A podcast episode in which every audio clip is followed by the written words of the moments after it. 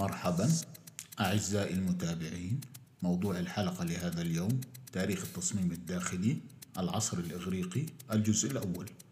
يقدمها الدكتور أحمد أبو هاني تخصص تصميم داخلي حاصل على درجة الدكتوراه في تخصص التصميم الداخلي من أكاديمية ستروغانوف الحكومية في موسكو عام 1996 كما أنه عضو في المنظمات الدولية في مجال التصميم الداخلي وفي لجان التحكيم لتخصص التصميم في العديد من المؤسسات التعليمية. نحن برعاية طهبوب تجربة منزلية مطلقة. محاضرة اليوم عن الحضارات الكلاسيكية اليونان وروما.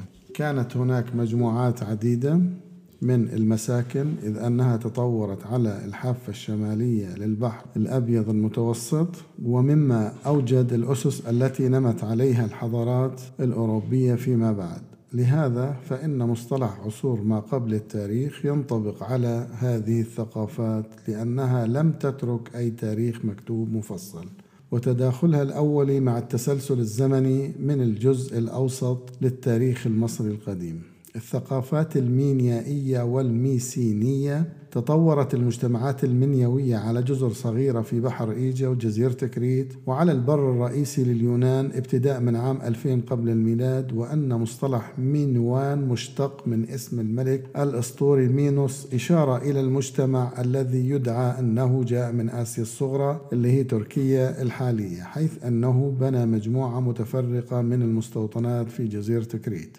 تقدر حول العشرين بلدة أو مدينة صغيرة ولكل منها قصرها الخاص ويقدر عدد سكانها بنحو ثمانين ألف نسمة مستقرين مهتمين بالزراعة والصيد. ويفترض على أنه لهم اتصال ما مع المجتمع المصري على الرغم من عدم وجود دليل واضح على تأثيره. قصر كنوسوس كشفت الحفريات عن طبقة تلو الأخرى من مدن المنيوية أو المينائية إذ أنه دمر كل منها إلى بناء المستوى التالي ولم يتبق سوى آثار هياكل اللبن ولكن بقايا القصور المتسعة بذاك الوقت كانت أكثر حيث كان الحجر هو مادة البناء الأساسية. أشهر هذه القصور وأكثرها اكتمالا هو قصر كنوسوس في جزيرة كريت ويعتقد أنه قصر للملك مينوس وخلفائه في عام 1450 ل 1400 قبل الميلاد وإن إطلالته معقدة ومربكة نتيجة للعديد من عمليات إعادة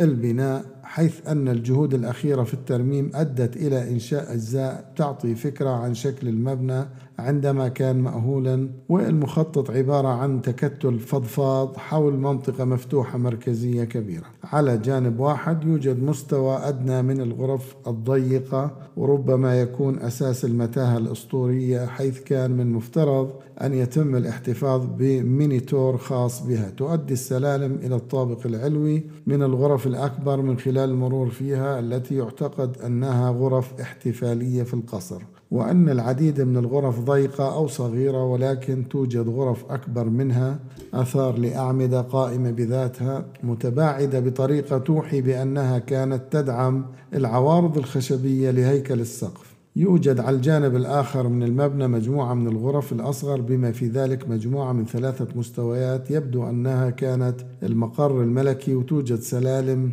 وملاعب إنارة تؤدي إلى غرف تحتوي على آثار من اللوحات الجدارية ويظهر من خلالها توفر قاعات الدرج المرممة وغرفة العرش. في مشاهد منها الجزء الداخلي البانثيون روما معبد روماني لجميع الآلهة الذي بني في الفترة من 118 ل 28 ميلادي وعبارة عن هيكل مقبب يحتوي على مساحات داخلية مذهلة قطر 142 قدم والارتفاع المطابق للداخل ترتيبا هندسيا رزينا بينما يضيء ضوء النهار المتدفق من العين الفتحة المستديرة في الجزء العلوي من القبة على الفضاء الداخلي.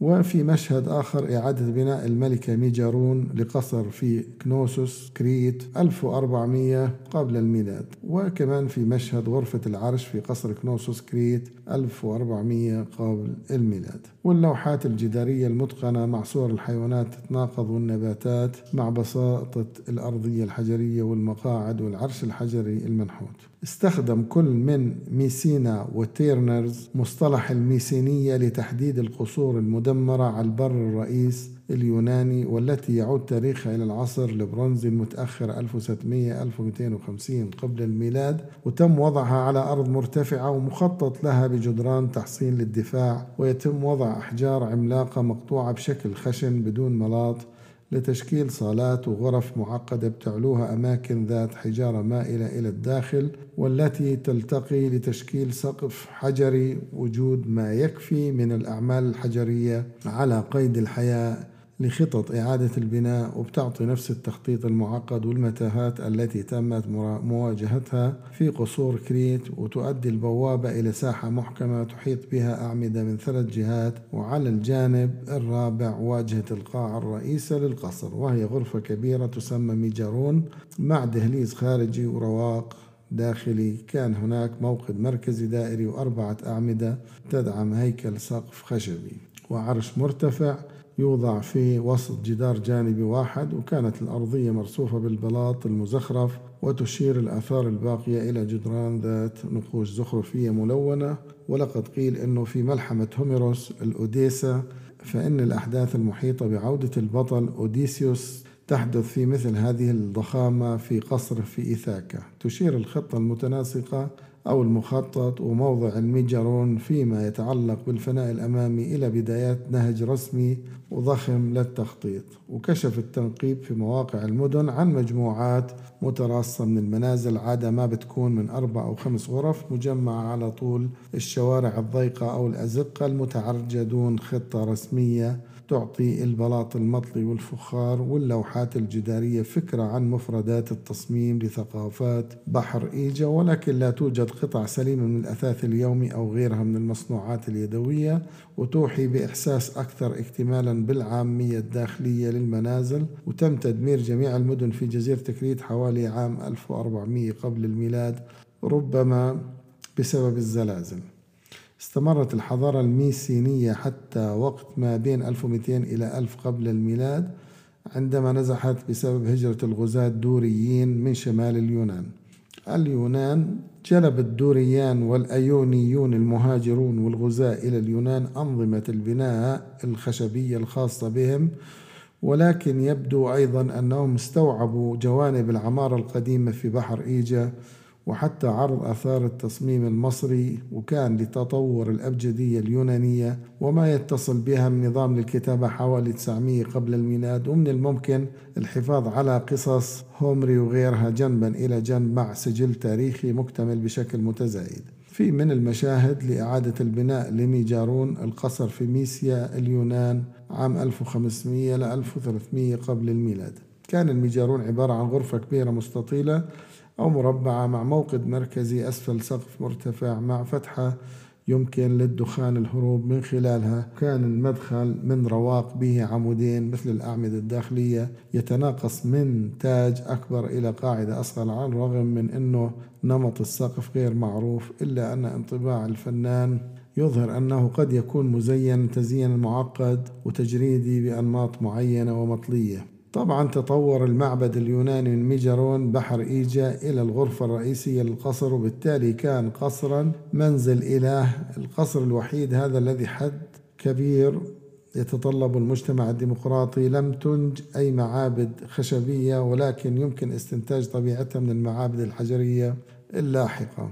تدعم الأعمدة المتقاربة عتبات حجرية قصيرة مع سقف جملوني أعلى يشكل شريط السواقف أي أن هذه الأسطح أو السطح المعمد المنحوت ومن خلال تفاصيل تشير إلى نهايات العوارض الخشبية التي تشمل حتى نهايات محاكاة للأوتاد من النوع الذي يجب استخدامه في نجارة البناء الخشبي. كانت وظائف المعبد اليوناني ضئيلة احتفالية أو رمزية بشكل صارم. البنية بسيطة تصميمه يقتصر على نطاق ضيق من الاختلافات في الصيغة وكانت المساحة المغلقة للمعبد سيلا عادة غرفة واحدة أو غرفتين فقط مخصصة لإله أو آلهة. كمنزل رمزي يأتي الشكل المرئي اللافت للمبنى من محيط الأعمدة المحيطة وإعادة ما تكون ستة أو ثمانية في الأمام والخلف مع صفوف إضافية من الأعمدة على طول. كل جانب مما يشكل محيطا كليا من التكرار الإيقاعي. الإيقاعي أصبحت هذه الصيغة البسيطة فعالة من خلال مجموعة من الأجهزة بعضها دقيق للغاية لدرجة أنه لم يتم اكتشافه لعدة قرون. الخاصية الأكثر شهرة والأكثر وضوح هي استخدام النمط الدوري وهو وسيلة منهجية لتنظيم العناصر وفقا لخطة متكاملة بعناية. النظام الأقدر الأقدم والأكثر إثارة للإعجاب المسمى الدوري ويستخدم عمود بدون قاعدة ويرتفع من أعلى منصة ثلاثية الخطوات ستيلوبيت إلى تاج بسيط يتكون من قنفذ بحري دائري مع كتلة مربعة أو العدد أعلى العمود المدبب قليل من الأسفل إلى الأعلى مع انحناء طفيف جدا أو انتاسس يتكون من شريط من الأسطح المعمد. من السطح المعمد أعلاه وله ثلاثة أجزاء عادي أرختراف إفريز مكون من ألواح متناوبة الأشكال الثلاثية التي تذكر نهايات العوارض الخشبية والميتوب الفارغ أو المنحوتة بينهما وما فوق الإفريز البارز أو عنصر التتويج. ويتم إعطاء كل هذه الأجزاء أبعادا تتعلق بوحدة نمطية أو وحدة بناء على قطر العمود في أوائل معابد النمط الدوري حوالي 550 قبل الميلاد كما هو الحال في بياستون وهي مستعمرة يونانية في شبه الجزيرة الإيطالية وكان ارتفاع العمود حوالي أربعة أضعاف ونصف قطره فقط. تم تغيير هذه النسبة تدريجيا في العمل اللاحق في مواقع مختلفة حيث وصل ارتفاع عمود البارثينون إلى ثمانية أضعاف القطر ويتم عمل تباعد ما بين الأعمدة ونطاقات السطح الخارجي وحتى أصغر العناصر كمضاعفات أو أجزاء فرعية للوحدة الذهبية وبتظهر العمارة اليونانية أيضا معرفة تامة لنظرية تناسب ذات الأهمية الكبيرة في العمارة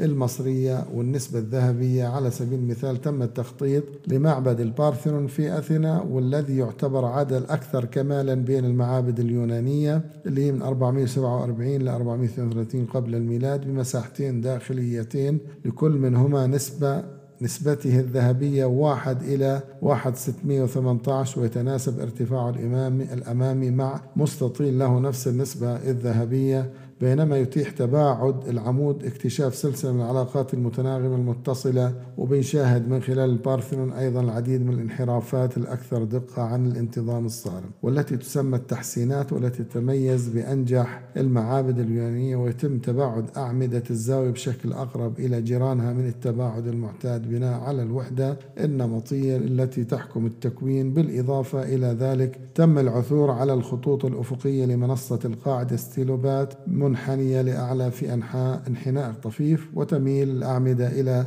الداخل قليلا كما أن الخطوط السطح الخارجي منحنية أيضا وتعمل هذه التحولات الطفيفة من الانتظام الكلي على تصحيح التشوهات البصرية أو المنظور التي يمكن أن تجعل الخطوط المستقيمة تبدو منحنية أو رأسية إلى منحنية كما أنها تقدم جودة جمالية للمباني ويمكن أن يطلق عليها إنسانية في تحويلها الدقيق للأشكال بعيدا عن الدقة الميكانيكية البحتة. قدم هذه المادة الدكتور أحمد بوهاني. تابعونا كل سبت الساعة الرابعة بتوقيت القدس على كافة المنصات السمعية. كان معكم محمد الرنتيسي من بودكاست ال creative center.